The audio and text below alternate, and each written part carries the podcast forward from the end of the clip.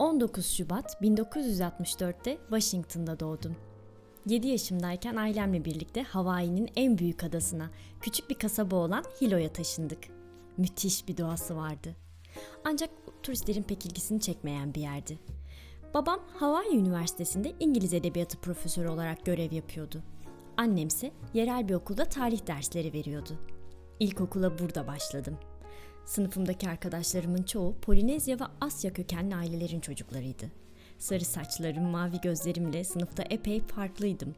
Ve yerel kültürü bilmeyen küçük bir çocuk olarak sınıfta kendimi biraz yalnız hissediyordum. Benzer şekilde anne ve babamın öğretmen olmaları da çoğunlukla tarımla uğraşan ailelere sahip arkadaşlarımın yanında farklı hissettiriyordu. Sık sık kitaplarımı alıp bir kenara çekilirdim. Ya da adanın engebeli volkanik manzarasını, plajlarını ve yemyeşil bitki örtüsünü keşfe çıkardım. Hawaii'nin doğal güzelliği ve ekolojik çeşitliliğine hayran olmamak elde değildi. Doğanın büyüleyiciliği içinde kendime oyun alanı yaratarak büyüyordum. Okuduğum kitaplar ve ailemin bu ilgimin farkında olarak beni doğru yönlendirmeleri, bilime ve öğrenmeye olan aşkımı pekiştirdi astronomi, jeoloji ve evrime tutkulu bir aile ortamında çeşitli konularda kitaplarım oldu ve fırsat buldukça müze gezileri yaptık. Esas dönüm noktası olan olaysa bir yaz tatilinde Hawaii Üniversitesi'nde biyolog olan aile dostumuz Profesör Doktor Don Hamills'la buluşmamızdı.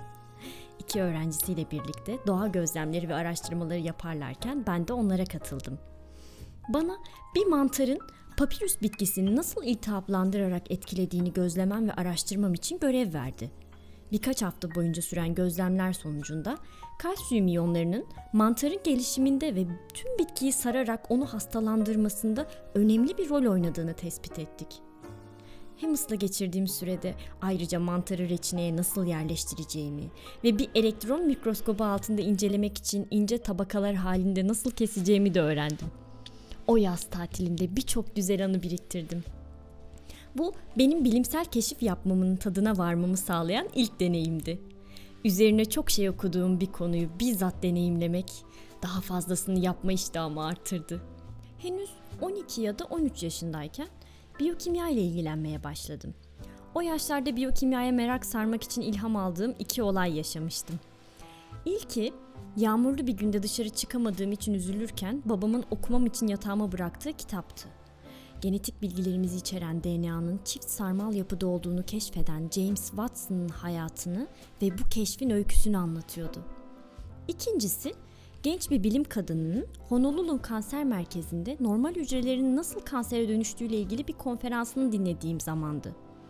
Her iki olayda hayatın hücrelerin içindeki mikro evrende cereyan eden gizemlerimi keşfetmemi sağlayacak bir alanda eğitim alma ve kariyer peşinde koşma arzumu ateşledi. 1985'te Kaliforniya'daki Pomona College'da kimya alanında lisans eğitimimi tamamladım. Bu okul batı yakasında küçük bir üniversite olmasına karşın güçlü bir biyokimya programı vardı. Lisans eğitimi esnasında üzerimde derin izler bırakan akademisyenlerle çalıştım. Bunlardan biri laboratuvarında ilk bilimsel araştırmamı yürüttüğüm lisans danışmanım Sharon Panasenko'ydu. Panasenko sadece mükemmel bir bilim insanı değildi. Aynı zamanda bir kadının erkekler tarafından domine edilen akademi dünyasında başarılı olabileceğini gösteren örneklerin öncülerinden biriydi. Kariyerimde ilerledikçe genç kadınlar için destekleyici ve yol gösterici kadın akademisyenlerle birlikte çalışmanın ne kadar büyük bir şans olduğunu gördüm. Pomona Üniversitesi Kimya Bölümünden mezun olduktan sonra biyokimya doktorası için Harvard Üniversitesi'ndeki genetikçi Jack Zostak'la çalışmaya başladım genetik bilgiyi taşıyan kromozomlarımızın uç bölgelerinde bulunan telomerlerin ve telomeraz enziminin kromozomu nasıl koruduğunu gösteren araştırmaları neticesinde 2009 yılında Nobel ödülü alan genetikçi Jack Zostak'ın gözetiminde RNA üzerine doktoramı yaptım. RNA yani ribonükleik asit tüm hücrelerde bulunan ve yaşamsal değerde proteinlerin üretiminde rol oynayan bir molekül. Araştırmamı özellikle ribozimler üzerine odakladım. Bunlar yaşamın başlangıcında da büyük bir rol oynadığı düşünülen, proteinlerin hücre içinde kimyasal reaksiyonlara girmesini kolaylaştıran ve çoklu kopyalamaların yapılabilmesini sağlayan, kendi kendilerinin üretimini kimyasal olarak hızlandıran yani otokatalitik RNA'lardı. Anlattıklarım size biraz karışık ve anlamsız gelebilir. Şöyle izah etmeye çalışayım. Covid-19 salgını sırasında mesajcı RNA, mRNA lafını çok duyar ve konuşur olduk biliyorsunuz. Çünkü Covid-19 salgını için üretilen aşılardan en önde gelenleri bu mesajcı RNA'yı kullanarak hücrelerimize virüsün bazı parçalarının bilgilerini veriyor. Ve vücudumuz da o virüs parçalarını üreterek virüsün tamamını vücuda almaya gerek kalmaksızın virüsü tanımış oluyor. Böylece eğer sonradan virüsle karşılaşacak olursak virüs savunma sistemimizi alt edemeden hazırlıklı olan savunma sistemimiz onu alt edebiliyor. İşte RNA molekülünün protein üretmek, hücre içinde taşımak ve haber iletmek dışında başka fonksiyonlarının da olduğunu, özellikle de katalitik etkisinin varlığını fark etmek devrim yaratacak bir buluştu. Kendi kendini kopyalayan bir katalitik RNA yani ribozim yaşamın ilk kaynağının DNA değil RNA olduğu fikrini destekliyordu. Çünkü RNA'nın genetik bilgiyi sadece depolamakla kalmayıp aynı zamanda bilgiyi kopyalamaya yardımcı olan kimyasal reaksiyonları başlatabildiğini de gösterdi. RNA'ya olan hayranlığım giderek artıyordu. Doktora sonrasında kendi kendini kopyalayan RNA'lar üzerine çalışmalarıma devam etmek için RNA'nın katalitik özelliklerini keşfeden ve 1989 yılında bu çalışmasıyla Nobel ödülü almış olan biyokimyacı Thomas Robert Ketchel ile çalışmak üzere Boulder'daki Colorado Üniversitesi'ne gittim. X ışını kullanarak bu moleküllerin 3 boyutlu anatomik yapılarını belirleme hedefini koymuştum. Doktor Ketch, olağanüstü bir laboratuvar araştırma ekibi kurmuş, herkesin fikirlerine samimiyetle değer veren bir bilim insanıydı. Günlerim laboratuvar üyeleriyle gece geç saatlere kadar yapılan tartışmalar ve Tom'la karşılıklı yoğun beyin fırtınası seanslarıyla geçiyordu. 1996'da büyük yapılı bir ribozimin neye benzediğini ilk kez açıklayan ve bu alanda bir dönüm noktası olacak makaleyi yayınladık. Ribozimi görüntüleyince öyle heyecanlandım ki tüm omurgamın titrediğini hissettim. Sadece bilimsel araştırmalarda bulduklarım değildi beni heyecanlandıran şeyler elbette. Yoğun eğitim ve çalışma hayatının arasında Colorado Üniversitesi'nde yüksek lisans yaparken kendim gibi biyokimyacı ve moleküler biyolog olan Jamie Kate ile tanıştım ve sonrasında evlendik. 2002'de birlikte RNA moleküllerinin moleküler yapılarını ve işlevlerini incelemeye devam etmek için Kaliforniya Üniversitesi Berkeley'e taşındık. Bir yıl sonra ise oğlumuz Andrew doğdu. Bizim aksimize Andrew matematik ve bilgisayarlarla ilgilenen genç bir adam şimdi. Gelelim merakla beklediğimiz konuya.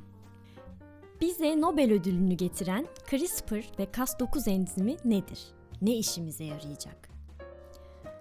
Bakterilerin virüslerden gelecek bir saldırıyı engellemek için önceki hastalıkları hafızalarına kaydeden, insandakine benzer bir bağışıklık sistemine sahip olabileceği fikri ilgimi çekmişti. Şimdiye kadar bilim insanları bakterilerde yalnızca ilkel bir bağışıklık sistemi bulunduğunu varsaymışlardı. Ama bakteriler küçük RNA parçaları kullanarak içlerine giren virüslerin yarattığı hastalıklarla savaşıyorlardı. 2005 yılında Kuzey Kaliforniya'daki bir madenden gelen oldukça asitli atık suda yaşayan ve nadir görülen bir bakteri türünün genlerinde düzenli aralıklarla kümelenmiş kısa palindromik tekrarlar olarak tanımlanan ve kısaca CRISPR adı verilen virüs kaynaklı gen dizileri bulunmuştu. Bu kafanızı karıştırabilir. Biraz daha izah edeyim. CRISPR, bakteriyel bağışıklık sisteminin bir parçasıdır. İstilacı virüsler bakteri içine girdiğinde onların RNA'sından kopyalanan genom dizileri bakterilerin genleri içine düzenli aralıklarla kümelenerek saklanıyordu. Kümelerde palindromik bir yapı gözlenmişti. Yani düz veya tersten bakıldığında aynı şeyin yazması gibi. Gülebilirsiniz ama sizin dilinizden vereceğim şu örneği düz ve tersten okursanız ne demek istediğimi anlarsınız. Ey Edip Adana'da pide ye. İlginç değil mi? İşte bu palindromik diziler virüs bakteri hücresini bir dahaki sefer istila ettiğinde düşmanın tanınmasını sağlıyordu. Pekala düşmanı tanıyordu ama nasıl yok edecekti? Daha önce bu alanda araştırmalarından haberdar olduğum İsveç'teki Umeå Üniversitesi'nde çalışan Fransız mikrobiyolog ve genetikçi Emmanuel Charpentier ile tanıştım. Yetenekli ve bilgili araştırmacılardan oluşan bir ekip kurduk ve birlikte çalışmaya başladık. Charpentier araştırmalarında CRISPR ile ilişkili Cas9 adlı gizemli bir enzim fark etmişti. Birkaç ay sonra CRISPR savunma mekanizmasının iki ayrı RNA molekülünden CRISPR-RNA ve TRAC-RNA'dan yani kılavuz RNA'dan oluştuğunu keşfettik. Bu kılavuzluk yapan RNA'lar sayesinde Cas9 enzimi adeta bir makas gibi virüs genomunu dilimliyordu. Böylece virüs bakterinin içinde çoğalamıyordu. Eğer insanda da benzer bir şekilde kılavuz RNA kullanarak Cas9 enzimini bir DNA dizisine yönlendirebilirsek, istemediğimiz hastalıklı parçaları rahatlıkla kesmemiz mümkün olabilirdi. Nitekim yaptığımız hayvan deneyleri başarılıydı. Bulgularımızı makale haline getirip 2012 yılında Science dergisinde yayınladık. Keşfimiz kolay uygulanabilir ve ucuz bir yöntemdi. Genetik mühendisliğinin gidişatını hızla değiştirerek insanlardaki kalıtsal hastalıkların tedavisi için yeni fırsatlar yarattı. CRISPR-Cas9 gen düzenleme yöntemi büyük bir başarı olsa da benim açımdan pek çok etik sorunu da tartışmama neden oluyordu. Temel endişem teknolojinin güvenli olduğu yeterince ispatlanmadan önce insan embriyolarında iyi niyetli olmayan amaçlar için kullanılmasıydı. Ayrıca hastalıkları önleme amacı dışında da kullanılma olasılığını düşünmek korkutucuydu. Kamusal ve ahlaki tartışmaların ön saflarında yer aldım. Güvenliği kanıtlanmadan ve sonuçları tam değerlendirilmeden önce tekniğin insan embriyolarında klinik kullanımının ertelenmesine ilişkin dünya çapında bir işbirliği yapmak için çabalamaya devam ettim. 7 Ekim 2020'de Emmanuel Charpentier ile birlikte CRISPR-Cas9 gen düzenlemesini geliştirdiğimiz için Nobel Kimya Ödülü'ne layık görüldük. Şimdi bir yandan araştırmalarımı sürdürüyorum. Diğer yandan CRISPR-Cas9'un güvenli ve etik bir şekilde kullanılması için insanları bilinçlendirmeye çalışıyorum. Atomu parçalayıp içindeki muazzam enerjiyi açığa çıkardıktan sonra yaptığımız gibi ölümcül bir silah yapılmadığından emin olmak istiyorum. Atomdaki enerjiyi çok daha faydalı işler, mesela nükleer tıp için veya nükleer enerjiyle çalışan keşif araçlarında kullanabileceğimiz gibi CRISPR-Cas9'un da iyi işlerde kullanılması şart. Beni ben yapan unsurların başında, belki de çocukluktan itibaren doğru yönlendiren rehberlere sahip olmam, laboratuvar ekibimi aynı bilimsel bakışı paylaştığım insanlarla kurma özgürlüğüm ve tabii ki birbirini destekleyen ekip çalışmasına olan inancım geliyor. Bu hayatta herkes eşit başlamıyor. Ama bilimi anlayarak ve onu etkili bir şekilde kullanarak, örneğin çeşitli hastalıklardan ötürü hayata zorlukla başlayanların yaşamını çok daha iyi bir yer haline getirebiliriz.